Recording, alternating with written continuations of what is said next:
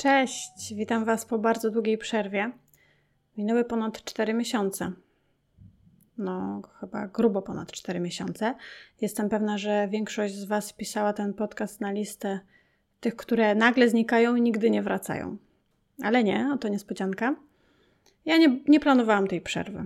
Na początku, kiedy zakładałam ten podcast, miałam nadzieję, że uda mi się wrzucać odcinki regularnie. Niestety tak po prostu wyszło. Nie mam wiele czasu, a zwłaszcza w tym sezonie jesienno-zimowym, szczerze mówiąc, wieczorami, kiedy mm, jedynie wtedy mogę przygotowywać się do odcinków, mam jedynie siłę, żeby nie wiem, zrobić coś w kuchni, czy usiąść e, przed telewizorem, włączyć sobie jakiś serial. No, niestety. Ale absolutnie nie mam zamiaru kończyć tego podcastu i postanowiłam sobie, że koniecznie w tym roku musi powstać jeszcze jeden odcinek. No i nagrywam go, więc chyba mi się udało. nie wiem, jak to będzie wyglądało z regularnością w przyszłym roku, ale na pewno podcast nadal będzie istniał. Nie będę przedłużać. Zapraszam Was na trzynasty odcinek podcastu Piżo i Penda, w którym opowiem o sprawie, która jest dość symboliczna, bo jest takim odzwierciedleniem bułgarskiego wymiaru sprawiedliwości. Przed wejściem Bułgarii do Unii Europejskiej, krótko po tym, choć tak naprawdę mogłabym powiedzieć, że, że niestety niewiele się zmieniło od tego czasu. Pewnością ta sprawa jest też bulwersująca i myślę, że jak przesłuchacie cały odcinek, to przyznacie mi rację. Poznamy tutaj historię morderstwa młodego Bułgara, Martina Buriuskiego, który mieszkał we Francji. I ten odcinek mógłby być bardzo krótki, bo y, śledczy we Francji działali bardzo sprawnie. Nawet w jednym miejscu przeczytałam, że to śledztwo mogłoby być takim przykładem perfekcyjnie przeprowadzonego śledztwa.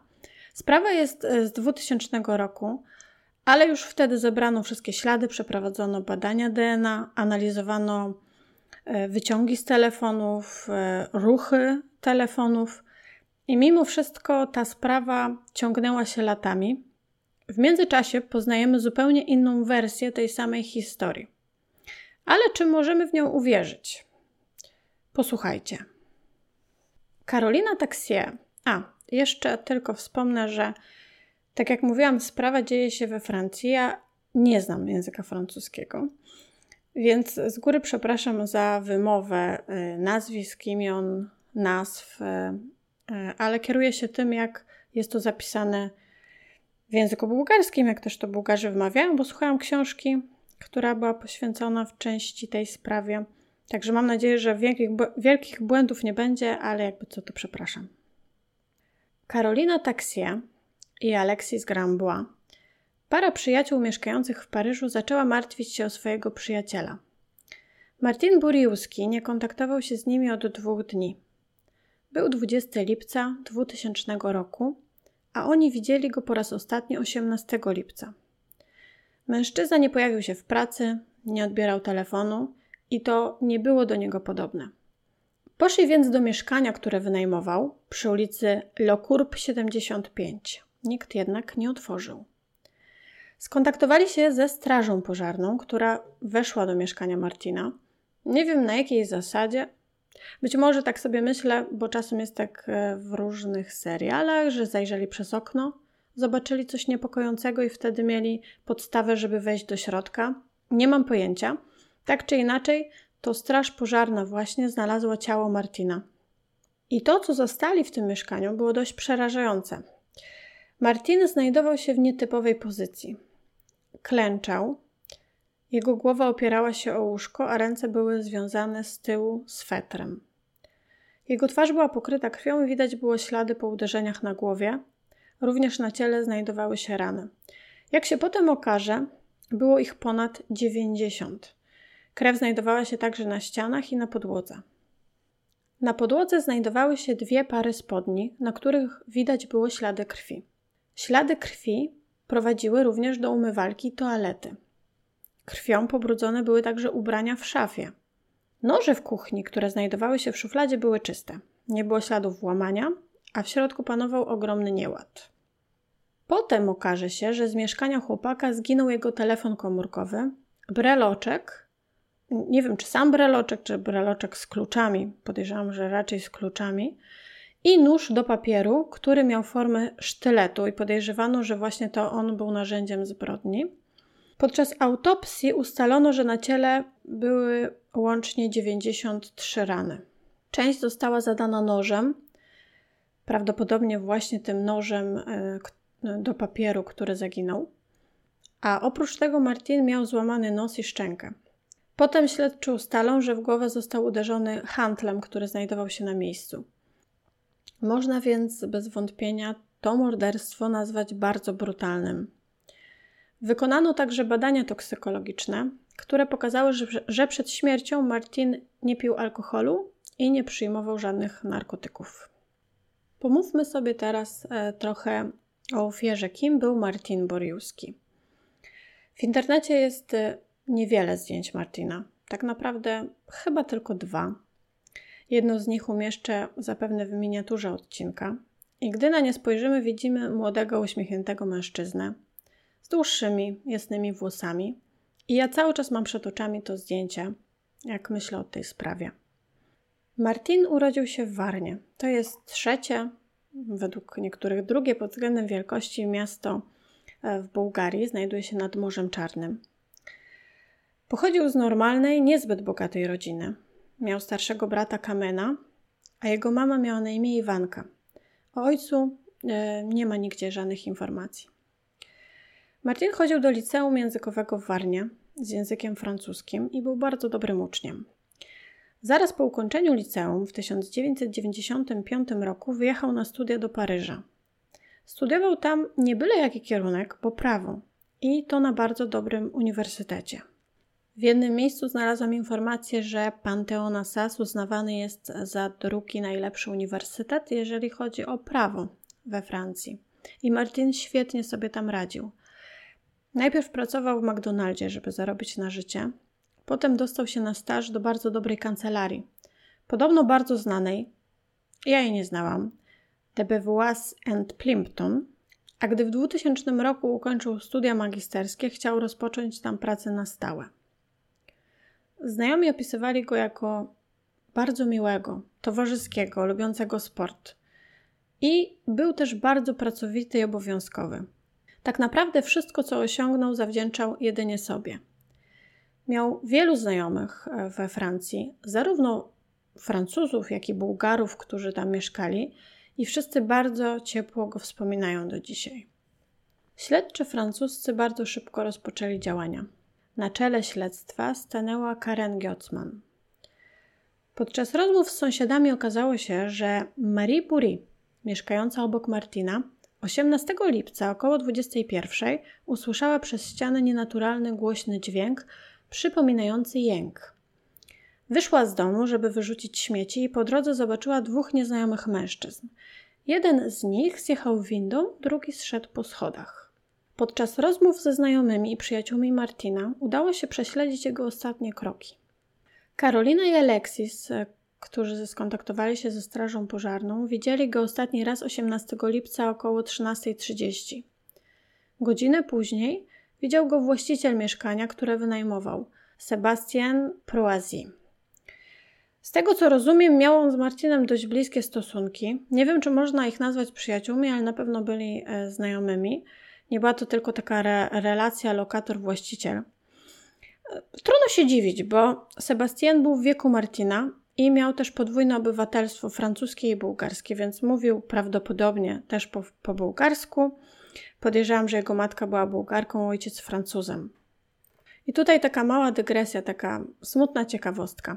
15 lat później, już 37-letni Sebastien y, zginie w ataku terrorystycznym w Paryżu. Chodzi o zamachy, do których doszło 13 listopada 2015 roku w których e, oprócz e, siedmiu sprawców zginęło 130 osób, ponad 300 było rannych. Sebastian znajdował się wtedy w jednej e, z restauracji, do których weszli terroryści i zginął na miejscu.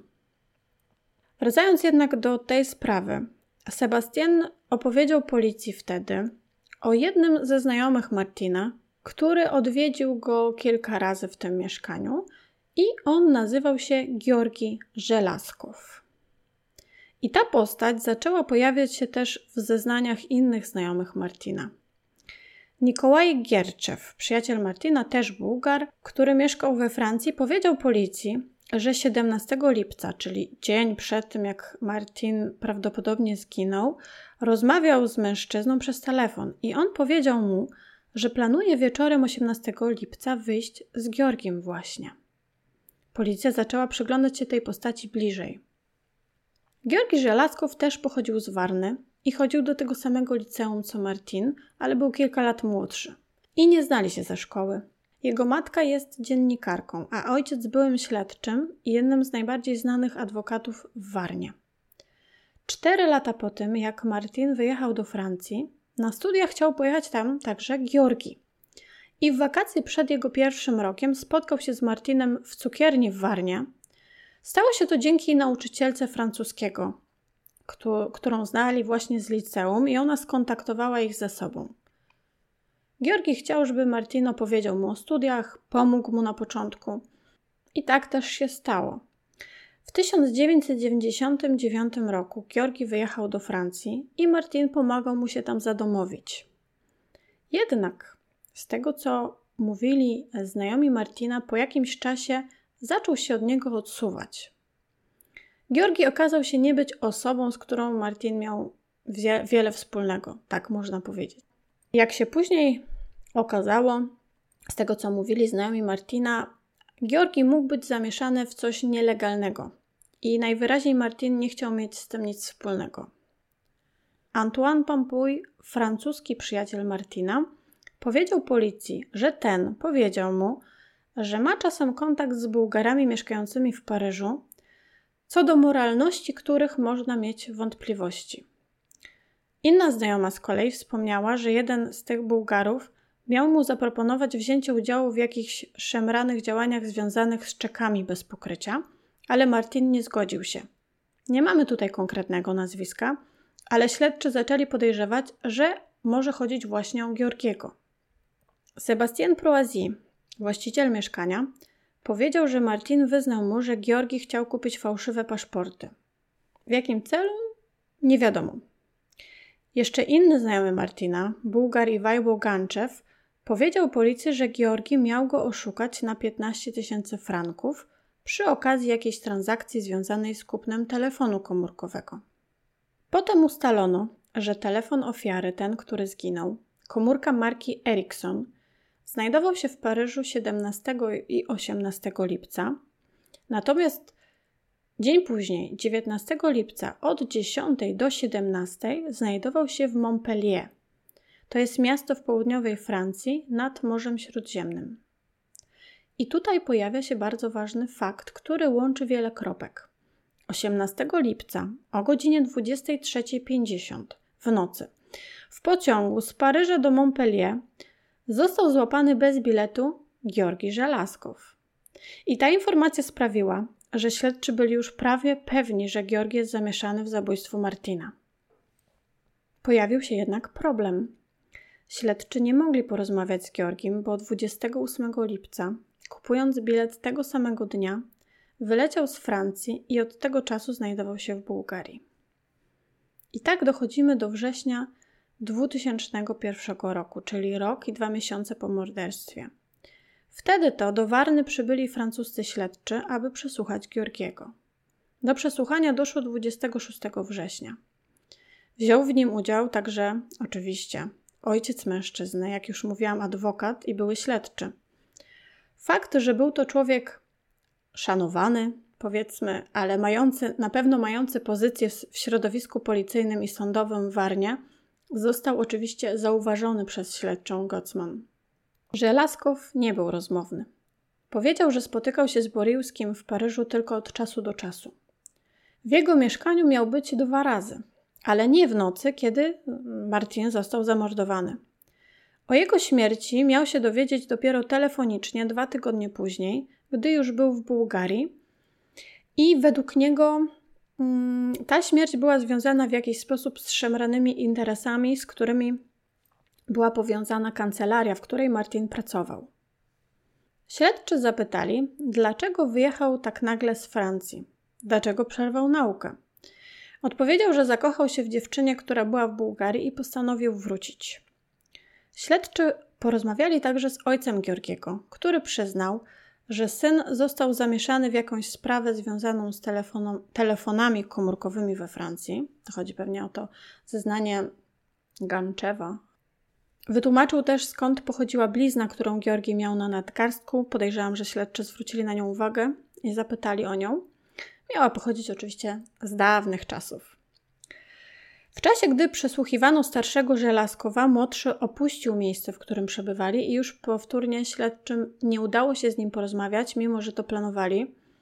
I śledczy uznali to za ucieczkę. Na szczęście udało się wcześniej pobrać od niego ślinę, co później okaże się kluczowe. Przebywając w Bułgarii, śledczy chcieli poznać bliżej przeszłość e, obu mężczyzn. Mam na myśli Żelazkowa i Martina. W tym celu skontaktowali się z liceum, w którym się uczyli i po nitce do Kłębka dotarli do Stojana Stoiczkowa, który też tam się uczył i był bliskim przyjacielem Georgiego, a w czasie morderstwa Martina także przebywał we Francji. Udało im się porozmawiać ze Stojanem i mężczyzna powiedział, że nie znał dobrze Martina, a już na pewno nigdy nie był w jego mieszkaniu. Przypominam tutaj, że według zeznania sąsiadki Martina Marie Buri w noc zabójstwa, właściwie wieczorem, usłyszała dziwny dźwięk z jego mieszkania, jęk, a potem, e, gdy poszła wyrzucić śmieci, zobaczyła dwóch nieznajomych mężczyzn. I potem, jak się okaże, ci mężczyźni pasowali do wyglądu Georgiego i Stojana. Mamy tu więc dwie postacie. Georgi Żelazkow, syn adwokata i byłego śledczego.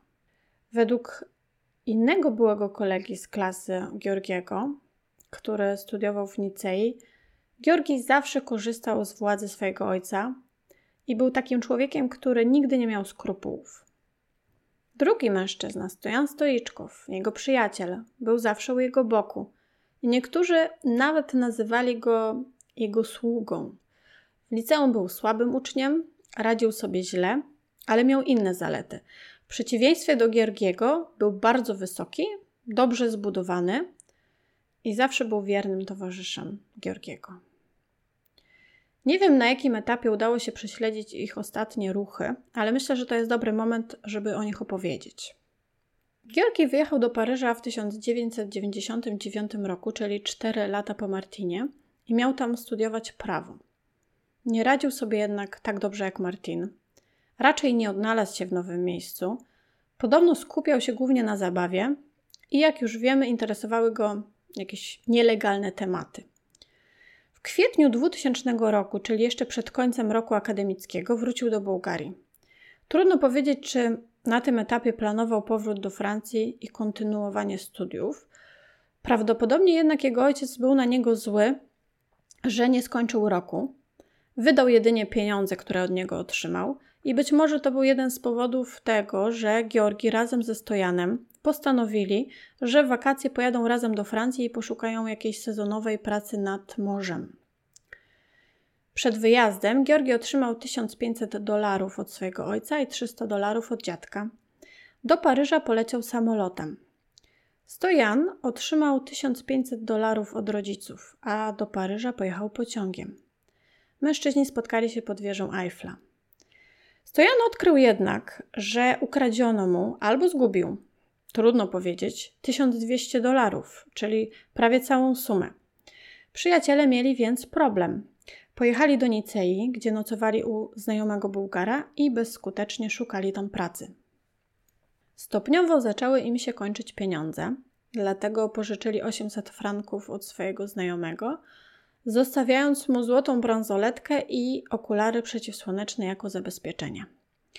Georgi zadzwonił do swojego ojca, który poradził im, żeby pojechali do Paryża, gdzie mieszka jego kuzynka, kuzynka ojca, czyli ciotka Georgiego, od której mogą pożyczyć pieniądze.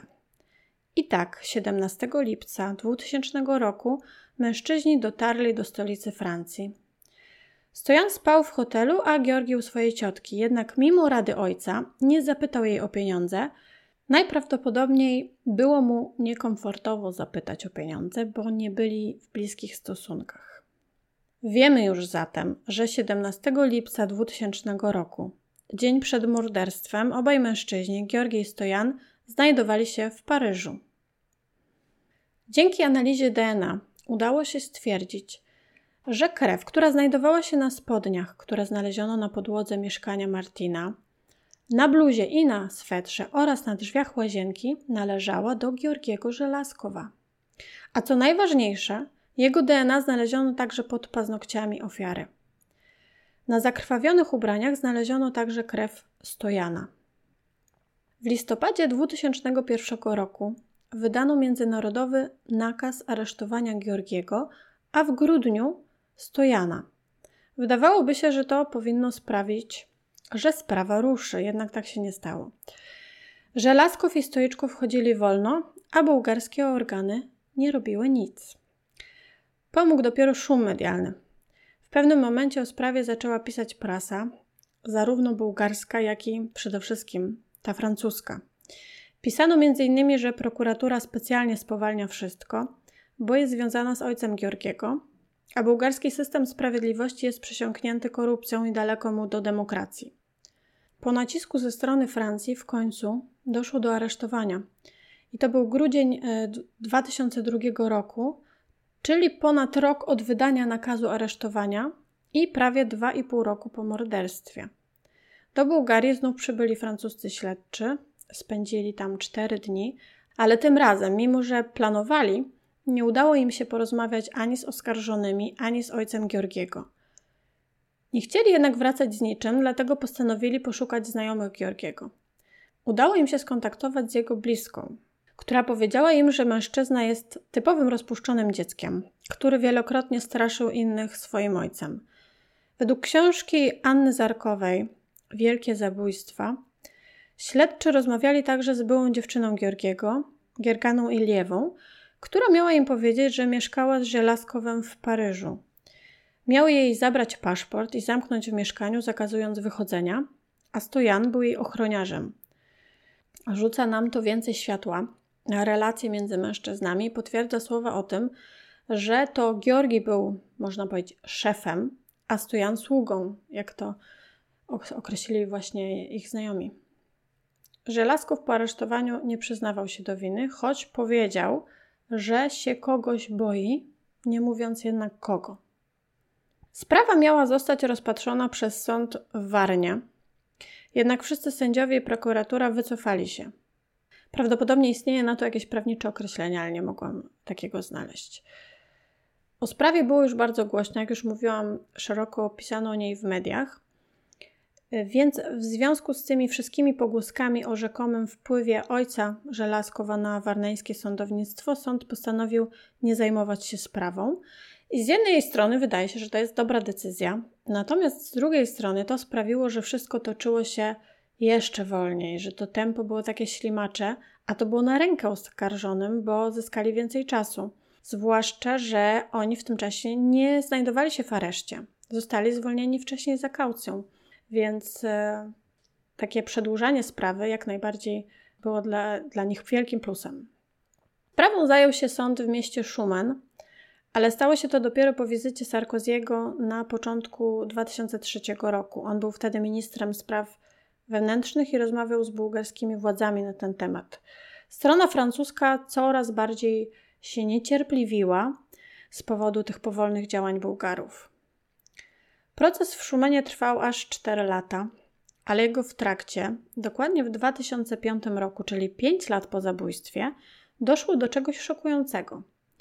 Żelazków i Stoiczków zmienili swoją wersję. Już nie twierdzili, że nic nie wiedzą. Co tu dużo mówić, to byłoby niemądre wobec wszystkich dowodów świadczących o tym, że z całą pewnością byli na miejscu zbrodni. Bułgarska prokuratura otrzymała wszystkie dowody zebrane we Francji i na tym etapie adwokaci mężczyzn już znali te wszystkie dowody. Jaka była więc ich wersja? Georgi umówił się na spotkanie z Martinem przed kancelarią, w której pracował, około 20.45.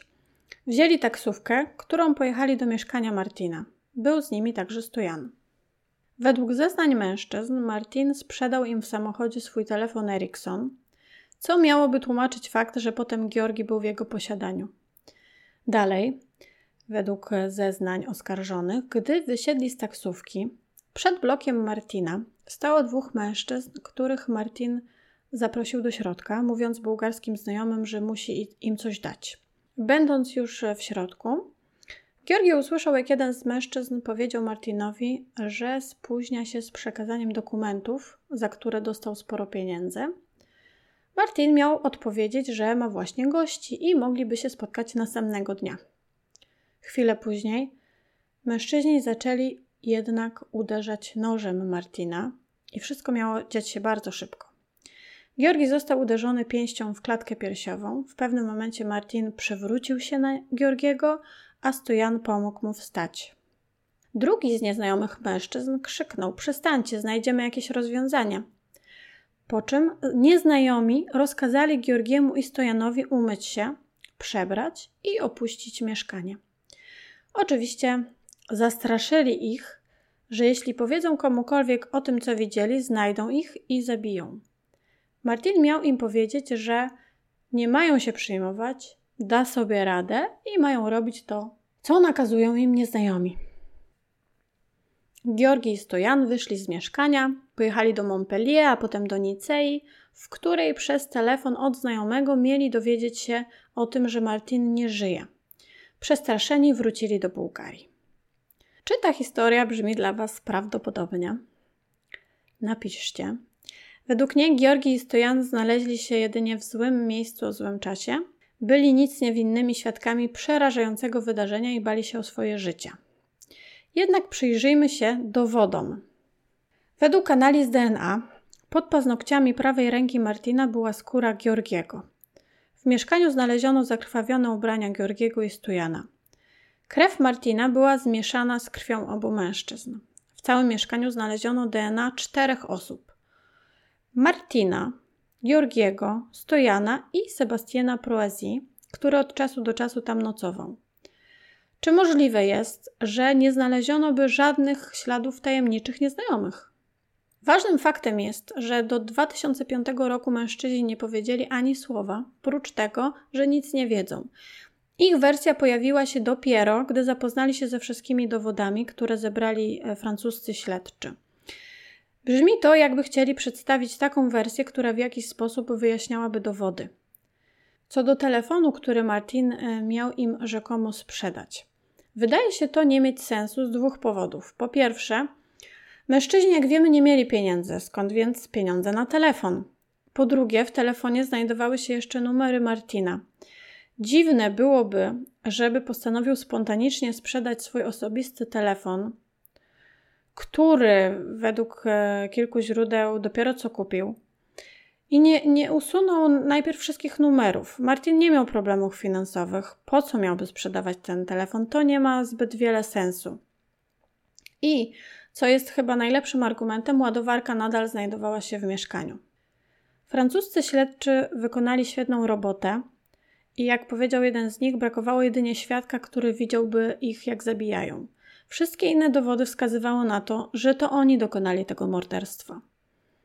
Oczywiście z tym nie zgadzali się adwokaci oskarżonych, którzy twierdzili, że dowody świadczą jedynie o tym, że byli na miejscu zbrodni, ale nie, że zabili. 27 marca 2008 roku doszło do ogłoszenia wyroku. Sąd w Szumanie postanowił, że Georgi Żelazkow i Stojan Stoiczków nie są winni postawionych im zarzutów. To był 2008 rok, czyli 8 lat po dokonaniu morderstwa. W tym czasie oskarżeni chodzili wolno. Georgi nawet ukończył studia, został oficjalnie adwokatem, nawet trochę pracował w zawodzie. Jakie były argumenty sądu? Sąd uznał, że nie można z całą pewnością stwierdzić o ich winie. Głównym motywem tego stwierdzenia były zeznania sąsiada Martina, Pascala Monod, który powiedział, że w nocy zabójstwa około północy słyszał głośne krzyki, w tym zdanie: Nie rób tego. A o tej godzinie mężczyzn tam już nie było, bo jest dowód na to, że byli w pociągu. Bułgarski sąd zignorował jednak jeden element tego zeznania. Te krzyki dochodziły z zewnątrz, a nie z mieszkania. Po pierwsze, Mono mieszkał na szóstym piętrze, Martin na piątym i mieszkania nie były nad sobą, były całkiem daleko od siebie. I gdyby te krzyki dochodziły z zewnątrz, to by ich nawet nie usłyszał. Do tego doszli francuscy śledczy, ale sąd Bułgarii to zignorował. Następny argument sędziów e, jest, e, no, jest piękny. Tutaj trzeba przyznać, że jest piękny. Wersja oskarżonych zgadza się z dowodami. Biorąc pod uwagę to, że wersja powstała po zapoznaniu się z dowodami, jest to co najmniej absurdalne. Sędziowie przyjęli za prawdziwą informację o dwóch nieznanych mężczyznach, mimo że nie znaleziono żadnych dowodów ich istnienia ani DNA, ani odcisków palców, ani żadnych innych śladów.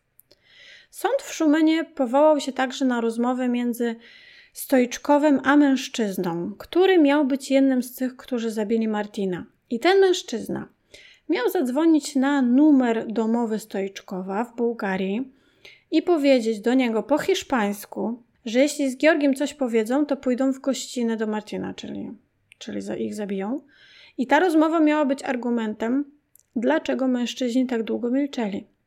Anna Zarkowa w książce, którą, o której już mówiłam, pisze, że połączenie nie było międzynarodowe, a krajowe, ale sąd najwyraźniej to zignorował. I co ciekawe, Stoiczkow nie mówił po hiszpańsku, nawet jego francuski był bardzo słaby. W uzasadnieniu sędziów w Szumanie znajduje się też e, wiele innych różnych kwiatków. Na przykład w jednym miejscu jest napisane, że ilość krwi, jaką zobaczyli, ich zszokowała i przestraszyła. A w drugim, że gdy oskarżeni opuszczali mieszkanie, to rany Martina były jedynie powierzchowne i niezagrażające życiu, i dlatego nie spodziewali się, że sprawy tak się potoczą, że zginie.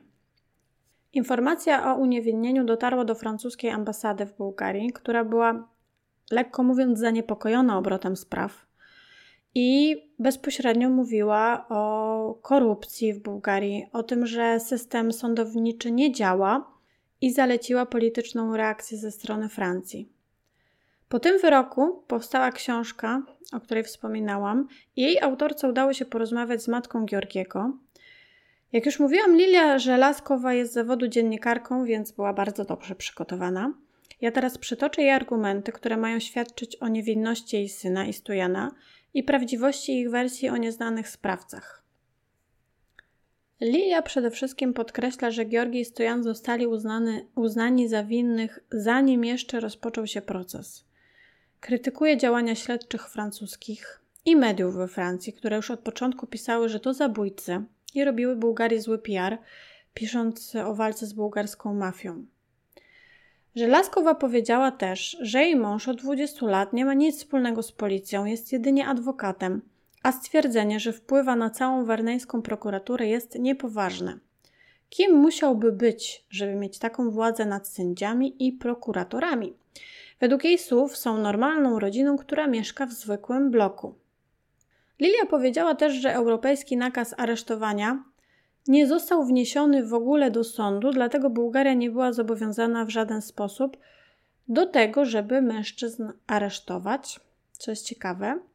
Jestem ciekawa, czy to prawda. Na pytanie dziennikarki, dlaczego 5 lat twierdzili, że nawet nie widzieli Martina w dniu jego zabójstwa, a potem okazało się, że nie tylko widzieli, a byli świadkami, jak jest zaatakowany nożem przez dwóch nieznanych mężczyzn, matka Georgiego odpowiedziała, że byli zastraszani, a oprócz tego byli atakowani w mediach, które nazywały ich bezpośrednio zabójcami. Radę, żeby nie składać zeznań, otrzymali od swoich adwokatów, żeby śledczy nie manipulowali dowodami. Na pytanie, dlaczego w mieszkaniu nie ma śladów zabójców, matka Georgiego odpowiedziała, że równie dobrze można zadać takie pytanie: dlaczego nie ma śladów innych osób, skoro właściciel mieszkania zeznał, że często miał tam gości? Jak to możliwe? I w ten sposób e, sugeruje, że dowody zostały zmanipulowane. Matka podkreśliła też, że śledczy z Francji wykreowali sobie obraz jej syna jako rozkapryszonego syna bogatych rodziców, który nie radził sobie w życiu i był sfrustrowany, i tylko zeznania świadków pasujące do tego obrazu ich interesowały. Jeżeli ktoś mówił dobrze o Georgim, to takie informacje były ignorowane.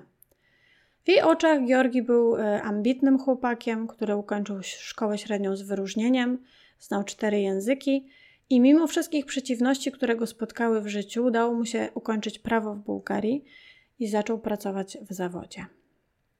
Mamy tu więc dwa zupełnie różne spojrzenia na tę samą historię. Ja mam mimo wszystko oczywiście dość jasną opinię na temat tej sprawy, ale muszę przyznać, że ta historia wspaniale pokazuje, jak dobry adwokat jest w stanie ukazać nawet najbardziej oczywistą historię. Wydaje mi się, że to nadawałoby się idealnie na odcinek jakiegoś serialu prawniczego. Wróćmy jednak do sprawy, bo to jeszcze nie koniec. Skończyłam na 2008 roku, kiedy to sąd w Szumenie uznał Georgiego i Stojana za niewinnych. Francja była oburzona tą decyzją i trudno się dziwić. Podkreślmy to jeszcze raz. Dowody, które udało się zebrać francuskim śledczym i które zostały przekazane bułgarskiej prokuraturze, były przytłaczające. DNA mężczyzn na miejscu zbrodni, w tym pod paznokciami ofiary. Ja w jednym miejscu znalazłam też informację, że ofiara miała w dłoni kilka włosów Georgiego. Wszystko wskazywało na to, że mężczyźni wykąpali się w mieszkaniu Martina, potem przebrali się w jego ubrania. Spodnie Martina zostały znalezione w mieszkaniu Georgiego w Warnie. Georgi był także w posiadaniu telefonu Martina. Na miejscu zbrodni nie znaleziono śladów innych osób. Sprawa trafiła do sądu apelacyjnego w Wielkim Ternowie, który 21 stycznia 2009 roku potwierdził wyrok uniewinniający. Na sali był obecny ambasador Francji w Bułgarii Etienne Dioponsen, który kilka dni później wystosował oficjalne stanowisko ambasady w tej sprawie, wyrażając swoje oburzenie. Bułgaria była wtedy od dwóch lat członkiem Unii Europejskiej. Oczywiste jest, że dobre stosunki z Francją miały bardzo duże znaczenie. Ale nie tylko Francja wyrażała sprzeciw, to był już czas, w którym istniały media społecznościowe. Zaczęto online, pewnie na Facebooku, zbierać podpisy, żeby skazać oskarżonych. Ludzie protestowali, chcieli sprawiedliwego procesu. Na jednym z takich protestów pewien mężczyzna, być może znajomy Martina, trzymał w dłoniach kartkę z jego zdjęciem, tym właśnie uśmiechniętym, które możecie zobaczyć, kto słucha na YouTubie, na miniaturze. A nad nim widniał napis: Nie przymykajcie oczu. Na grobie Martina jego bliscy przykleili w tym czasie kartkę z napisem: Nie zapomnieliśmy o tobie. Spoczywaj w pokoju. Zemsta czy też kara nadejdzie. Kochamy cię. Francja zaczęła bardzo naciskać na Bułgarię, zapowiadając nawet, że sama przeprowadzi proces w swoim kraju. Wokół sprawy zrobiło się bardzo głośno i w końcu, w maju 2009 roku, Najwyższy Sąd Kasacyjny skierował sprawę do ponownego rozpatrzenia ze względu na szereg sprzeczności, brak uzasadnienia oraz uchybienia proceduralne. I tak doszło do ponownego procesu. I 4 lutego 2010 roku Sąd Apelacyjny w Wielkim Ternowie jednogłośnie stwierdził, że obaj oskarżeni są winni. Georgi Żelazkow został skazany na 19 lat więzienia, a Stojan Stoiczków na 17. Tym razem taktyka adwokatów mężczyzn nie podziałała. Oni twierdzili, jak już wcześniej mówiłam, że nie ma dowodów na to, że to oni dokonali morderstwa. Są jedynie na to, że byli tam obecni i skupiali się też na krytykowaniu działań francuskich śledczych. Nawet całego systemu sprawiedliwości we Francji podawali nawet jakieś przykłady z przeszłości, w których e, doszło do pomyłki w czasie procesów we Francji. I teraz pewien absurd. Jak wcześniej mówiłam, obaj mężczyźni nie znajdowali się w tym czasie w areszcie, bo wpłacili kaucję, więc cały czas, przez ten czas chodzili wolno, a podczas ogłoszenia wyroku nie byli nawet obecni na sali, bo jak powiedziała adwokatka Żelazkowa Ina Łuczewa, mieli problem z dojechaniem na miejsce. Po ogłoszeniu wyroku nakazano, aby ich aresztować, ale zanim do tego doszło, minęło aż 10 dni. Policja nie znalazła ich pod adresami. Oni się ukrywali, ale po 10 dniach, pewnie za radą może rodziny, adwokatów, sami stawili się w areszcie w towarzystwie adwokata. Nie był to wyrok ostateczny, strony mogły się odwołać i tak się stało, ale 30 sierpnia 2010 roku Najwyższy Sąd Kasacyjny potwierdził wyrok sądu apelacyjnego. Tym samym już oficjalnie Georgi otrzymał 19 lat, Stojan 17. Oprócz tego mężczyźni mieli zapłacić rodzinie Martina 120 tysięcy lewów, czyli to jest e, około 60 tysięcy euro. Według sądu brakowało dowodów na to, że na miejscu zbrodni był obecny ktoś jeszcze i ich zeznania o nieznanych mężczyznach były jedynie próbą obrony. Jaki był motyw? Bo o tym na razie nie mówiliśmy. W pierwszych procesach mówiono tylko o motywie finansowym, podkreślając, że mężczyźni z tak dobrych rodzin nie zabiliby z takiego powodu. Całkiem możliwe, że pieniądze były punktem zapalnym. Być może Georgi chciał pożyczyć pieniądze od Martina. Ten nie zgodził się, Georgi wpadł w szał. Jednak do eskalacji tego gniewu doszło z powodu nagromadzonej złości i zazdrości. Martin skończył studia, Georgi ledwo sobie radził. Martin miał rozpocząć pracę w prestiżowej kancelarii, Georgi nie mógł znaleźć pracy nad morzem. Martin w pewnym momencie się od niego odciął. Kto wie, co się w ogóle między nimi wcześniej wydarzyło, może dochodziło wcześniej do jakichś rozmów. Z całą pewnością to właśnie Georgi miał motyw, żeby zabić Martina, a Stojan był jedynie jego pomocnikiem. Był podporządkowany woli Georgiego. Wyrok zapadł w 2010 roku. Teraz mamy 2022. I pewnie sobie myślicie, że panowie siedzą jeszcze w więzieniach, bo na to wskazywałyby ich wyroki. Ale nie. W Bułgarii jest takie prawo, że jeżeli skazany odsiedział już połowę wyroku i jego pobyt y, dał rezultat, czyli zresocjalizował się, poprawił się, jak to mówią w Bułgarii, to może zostać wcześniej zwolniony, nawet jeżeli mówimy o zabójstwie. I właśnie na tej podstawie w 2019 roku, czyli po 9 latach, został zwolniony Stojan Stoiczków, a w 2020 roku na wolność wyszedł Georgi. Nie wiem, co teraz robią. Wiem, że Georgi ma syna. Nie wiem, czy syna w sumie. Ma dziecko. E, obaj są teraz po 40 i są wolni. A Martin Boriuski zginął mając 24 lata. Myślę, że teraz rozumiecie, dlaczego powiedziałam na początku, że jest to historia bulwersująca. Zostaje po niej pewien niesmak, prawda? Najpierw wszystko ciągnęło się wiele lat, potem zostali uniewinnieni i gdyby nie nacisk ze strony Francji, to całkiem możliwe, że tak by zostało, co byłoby, nie lubię tego słowa, ale skandaliczne. Z jednej strony jest taka satysfakcja, że jednak otrzymali w końcu wyrok, zostali skazani, ale z drugiej czy 9 lat i 10 lat za tak brutalne morderstwo to jest sprawiedliwość? Dajcie znać, co myślicie na ten temat. Dziękuję Wam bardzo za wysłuchanie tego odcinka. Dziękuję za cierpliwość.